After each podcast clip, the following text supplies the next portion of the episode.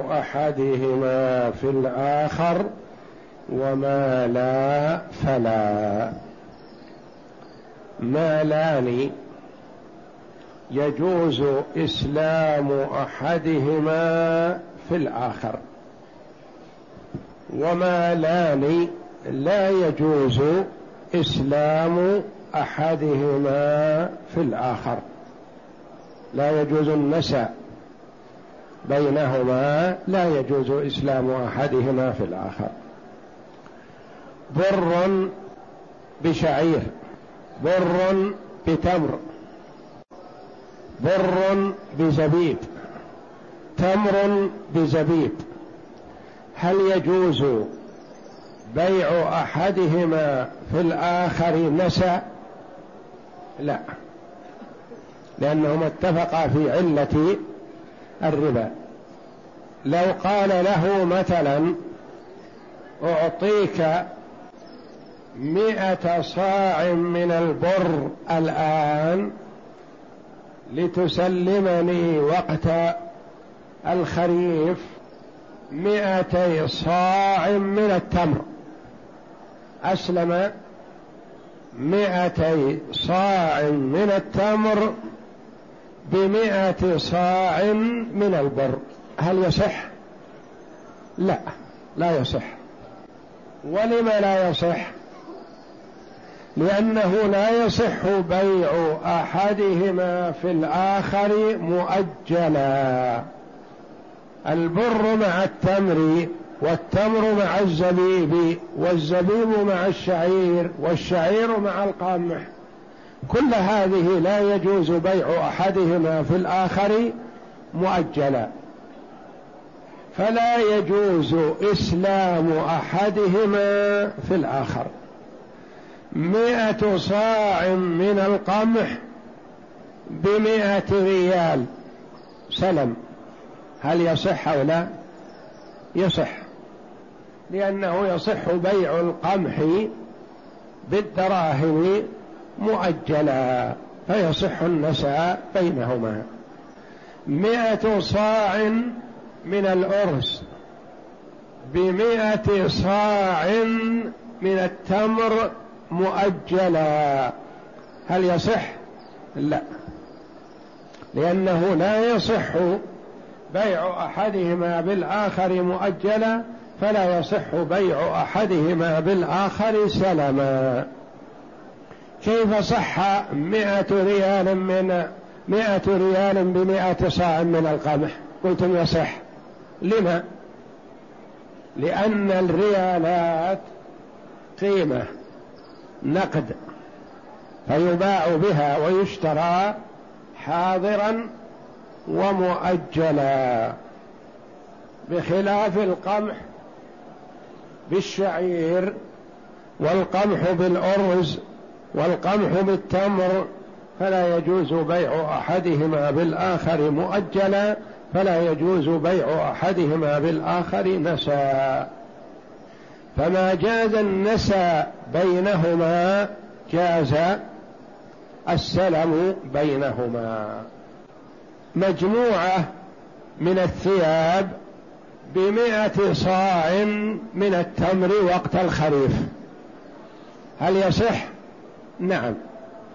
لأنه يصح بيع الثياب بالتمر النساء فيصح بيع أحدهما بالآخر سلما. مئة كيلو من الحديد بمئة صاع من التمر. هل يصح سلما مئة كيلو من الحديد تسلم الآن بمئة صاع من التمر تسلم وقت الخريف هل يصح؟ يصح لأنهما لم يتفقا في علة الربا. سواء قلنا علة الربا الطعم أو الكيل والوزن. الكيل والوزن اختلفا. هذا صاع وهذا وزن. كيلو. و والطعام كذلك. التمر له طعم لكن الحديد ليس له طعم. ليس مطعوم. فإذا صح بيع شيء بآخر نسى. صح بيع أحدهما بالآخر سلما حيوان بمئة صاع من التمر. قال خذ هذا البعير لك وأعطني بدله وقت الخريف مئة صاع من التمر. هل يصح؟ يصح لأنه يصح بيع أحدهما بالآخر مؤجلا. فيصح بيع أحدهما بالآخر نسى وسلما. وما لا يصح بيع أحدهما بالآخر نسى لا يصح بيع أحدهما بالآخر سلما. نعم. فعلى قولنا يجوز النساء في العروض يصح إسلام عرض في عرض وفي ثمن. يصح إسلام عرض بعرض ويصح بثمن. مثلا يقول أعطيك الآن مئة ثوب من القطن أو الكتان على أن تسلمني في وقت الشتاء مئة ثوب من الصوف. أنا أعطيك الآن ملبوس الوقت الحاضر وتعطيني فيما بعد ملبوس الشتاء مئة ثوب من الصوف. فهل يصح؟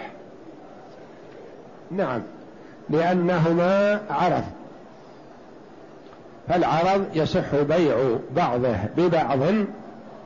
حاضرا ومؤجلا وسلما يقول مثلا أعطيك الآن مئة قطيفة أو مئة قدر أو مئة ثوب أو أي نوع من أنواع العرض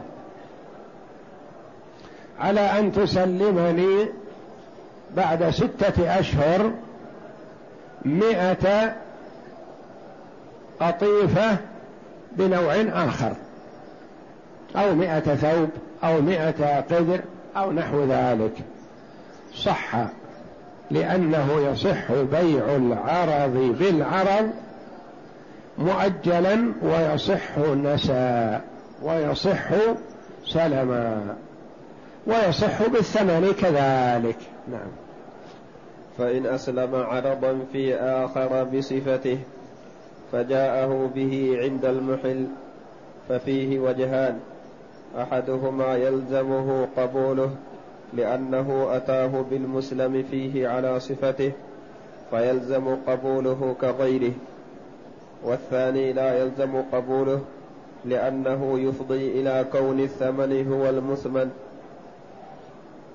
فإن أسلم عرضا في آخر بصفته فجاءه به عند المحل. قال له مثلا أعطيك الآن قطيفة هذه على أن تسلمني بعد ثلاثة أشهر قطيفة بصفة كذا وكذا تنطبق على هذه القطيفة الحاضرة. أسلمه قطيفة بقطيفة. كأن له غرض في التأجيل حفظ هذه البضاعة أو نحو ذلك. فاتفقا على هذا. ثم بعد شهرين جاءه بقطيفته نفسها. ردها عليه قال هذا الذي أسلمت عندي بصفته هذه. فتشها قال هذه قطيفتي يا أخي التي سلمتك قبل شهرين. قال هي هي. أليس لك قطيفة؟ هذه قطيفتك وبصفتها. هل يلزمه قبولها أو لا؟ قال فيه وجهان. أحدهما يلزم قبوله. لما؟ لأنه أسلمه قطيفة بقطيفة وجاءه بالقطيفة في الوقت المحدد وبالصفة المتفق عليها فيلزم قبولها. الرواية الثانية الوجه الآخر قالوا لا له حق الامتناع. يقول لا يا أخي هذه قطيفتي اللي سلمت قبل ثلاثة أشهر ما أقبلها الآن. أريد قطيفة جديدة. أريد شيء الآن ورد جديد سلمني إياه. قال قد لا الوجه الآخر لا يلزم قبوله لأنه يلزم من هذا أن يرد عليه يعني يكون نفس القطيفة هي الثمن وهي المثمن في آن واحد. أعطاه القطيفة قبل شهرين ثم ردها عليه بعد شهرين. وجهان في المسألة.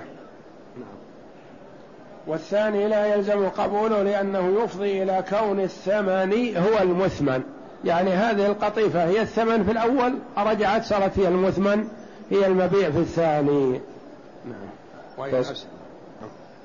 وإن أسلم صغيرا في كبير فحل السلم وقد صار الصغير على صفة الكبير فعلى الوجهين. مثل القطيفة إلا أنها تختلف بالكبر والصغر. قال له أنا في حاجة الآن إلى ثني. أسلمك أعطيك الآن الثني الذي ترغب فيه. على أن تسلمني بعد ستة أشهر أو أقل أو أكثر مثلا جذع أو مسن أكبر منه سنا. فاتفق على هذا. فأعطاه الجمل بالصفة الحاضرة واستلمه فلما مضت الستة الأشهر وإذا الجمل نفسه هذا أصبح بالصفة المذكورة في البيع. فسلمه إياه. فهل يلزم قبوله؟ أم لا يلزم؟ يقول هذا جملي الذي أعطيتك قبل ستة أشهر فكيف ترده علي؟ نقول نعم يرده عليك لأنكم اتفقتم على أنه يسلمك في هذا الوقت هذا السن وأصبح هذا نفسه هو بهذا السن. فمثلا الرجل عنده جذع من الضأن والجذع من الضأن ما له ستة أشهر. فقال أسلمك الآن جذع من الضأن على أن تسلمني بعد ستة أشهر ثني من الضأن فأخذ الرجل هذا الجذع ورباه واستفاد منه ما يستفيد مثلا. ثم بعد ستة أشهر أصبح نفسه هو ثني. فلما حل التسليم رد عليه جذعه السابق. قال يا أخي هذا الجذع الذي أعطيتك قبل ستة أشهر. قال نعم أعطيتني إياه وهو جذع على أن أسلمك بعد ستة أشهر ثني الآن هو ثني. انظر أسنانه هو ثني. هل يقبله أو لا؟ قال فيه الوجهان السابقان. له أن يقبله لأنه المسلم فيه بصفته ما تغير. وله ألا يقبله لأنه الذي سلمه قبل ستة أشهر فأصبح الثمن هو المثمن. فيه وجهان. نعم. فصل. ولا يشترط وجود المسلم فيه قبل المحل لا حين العقد ولا بعده. لأن النبي صلى الله عليه وسلم قدم المدينة وهم يسلفون في الثمار السنة والسنتين فلم ينههم عنه. نعم. وفي الثمار ما ينقطع في أثناء السنة فلو حرم لبينه. ولأنه يثبت في الذمة ويوجد عند المحل فصح السلم فيه كالموجود في جميع المدة. فصل ولا يشترط وجود المسلم فيه قبل المحل. أسلمه أعطاه مئة ريال على أن يسلمه مئة كيلو من العنب بعد ستة أشهر. هل يلزم وجود العنب من حين العقد إلى وقت التسليم؟ قال المؤلف لا لا يلزم. لأن المهم أن يكون موجودا عند وقت التسليم. أما قبل وقت التسليم فلا فائدة وجد أو لم يوجد ما في محذور. نقول ما يكفي هذا التعليل؟ نريد دليلا. قال نعم الدليل موجود. النبي صلى الله عليه وسلم قدم المدينة وهم يسلفون في الثمار. والثمار التمر والزبيب والعنب والبر والشعير وغيرها مثلا. ما قال لهم لا تسلموا إلا في شيء يكون موجودا وقت العقد إلى وقت التسليم. لا من المعلوم أن كثير من الثمار يوجد وقت العقد وينقطع ثم يوجد وقت التسليم أو قد لا يوجد وقت العقد وإنما يكون موجودا وقت التسليم. فهذا دليل على صحة السلم فيما ينقطع في وقت من الأوقات بين العقد وبين التسليم. فلا يلزم استمرار وجوده من العقد إلى التسليم. فصل ولا يشترط ذكر مكان الإيفاء لأن النبي صلى الله عليه وسلم لم يذكره في حديث ابن عباس رضي الله عنهما ولا في حديث زيد بن سعنة ولأنه عقد معاوضة أشبه البيع ويكون الإيفاء في مكان العقد كالبيع. ولا يشترط ذكر مكان الإيفاء يقول مثلا أعطيك مئة ريال على أن تسلمني مئة كيلو من العنب بعد ستة أشهر. هل يلزم أن يقول تسلمني مئة الكيلو في مكة أو في جدة أو في الرياض؟ لا ما يلزم. لأن الأصل أن التسليم في مكان العقد. فإذا تعاقد في مكة وأتاه بالعنب في جدة من حقه لا يقبله. يقول لا يا أخي تعاقدنا في مكة فأحضر لي العنب في مكة. ولا يلزم أن يذكر مكان العقد في عند البيع. وليس من شروط السلم أن يذكر مكان التسليم. نعم. فإن كان السلم في موضع لا يمكن الوفاء فيه كالبرية تعين ذكر مكان الإيفاء ولأنه لا بد من مكان ولا قرينة تعين فوجب تعيينه بالقول. فإن كان السلم في الموضع لا يمكن الوفاء فيه. شخصان ركبا في السيارة وفي أثناء الطريق تناقشا في البيع والشراء فقال أحدهما أنا عندي عنب كثير وقت استواء العنب وقال الآخر أريد أن أشتري منك عنب. الآن أدفع لك القيمة. تستفيد منها وتتوسع بها ووقت العنب تسلمني. اتفقا على هذا ووقعا العقد وهما في السيارة. أو وقعا العقد وهما في الطائرة. أو وقعا العقد وهما في الباخرة. أو وقعا العقد وهما في البرية في كشته في رحلة برية اتفقا على هذا. في هذه الأحوال كلها يلزم أن يقول تسلمني العنب في مكة في الطائف في جدة في كذا يلزم أن يعين المكان. لأنه لا يمكن تسليم العنب في السيارة التي تقلهما مثلا ولا يمكن تسليم العنب في الباخرة التي في البحر. ولا يمكن تسليم العنب مثلا في الطيارة التي في الجو بل لا بد من تعيين المكان حتى لا يكون هناك إشكال لأنه إذا لم يعين المكان فربما صاحب العنب يقول تعال يا أخي استلمه مني في الطائف. دافع الدراهم يقول لا يا أخي لو أردت أن آتي للطائف اشتريت شيء أرخص لكن أريد أن تحضره لي في مكة. فيحصل الخلاف فلا بد من ذكر مكان التسليم لرفع الخلاف. نعم. وإن كان في موضع يمكن الوفاء فيه فشرطه كانت فشرطه كان تأكيدا.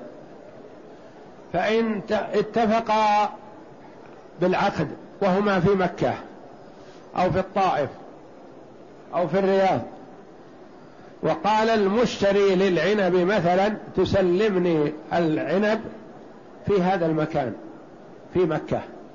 سلمني العنب في هذا المكان في الطائف مثلا. فلا بأس إذا ذكر ذكر اسم مكان التسليم اللذين هما فيه. لأنه يكون من باب التأكيد. لو لم يذكر فلا لزوم له. لكن ما دام ذكر فهو من باب التأكيد.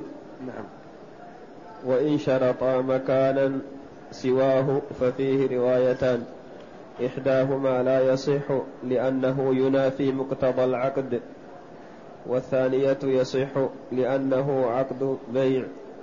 فصح شرط مكان الإيفاء فيه كالبيع وبهذا ينتقض دليل الأولى. وإن شرطا مكانا سواه. رجل من أهل مكة خرج للطائف ومر على أصحاب البساتين العنب في الطائف فاشترى منهم عنب يسلم بعد كذا بعد ستة أشهر مثلا. وقال تحضروه إلي في مكة. العقد أين جرى؟ في الطائف والتسليم يكون في مكة. قال في هذا روايتان. إحداهما تقول لا يصح. لما؟ قال لأنه عقد بيع وإجارة أشبه ما يكون. يعني باع عليه العنب واستأجره في نقله من الطائف إلى مكة. فهذا لا يصح. الرواية الأخرى تقول يصح ولا إشكال في هذا لأنه اشترى منه العنب وبدل ما يسلمه العنب في الطائف اشترط عليه أن يسلمه في مكة. أنه يقول يشق علي أن آتي لتجميع العنب من الطائف احضروه إلي في مكة. ومن المعلوم أنه إذا كان التسليم في مكة ستكون القيمة أكثر. مضافا إليها تكاليف النقل. وهذه أظهر والله أعلم في أنه لا إشكال في هذا لأنه قد يشتري مثلا الشيء من مكان ما ويشترط نقله أو إحضاره أو تسليمه في مكان آخر. فلا إشكال في هذا والله أعلم. وصلى الله وسلم وبارك على عبده ورسول نبينا محمد وعلى آله وصحبه أجمعين.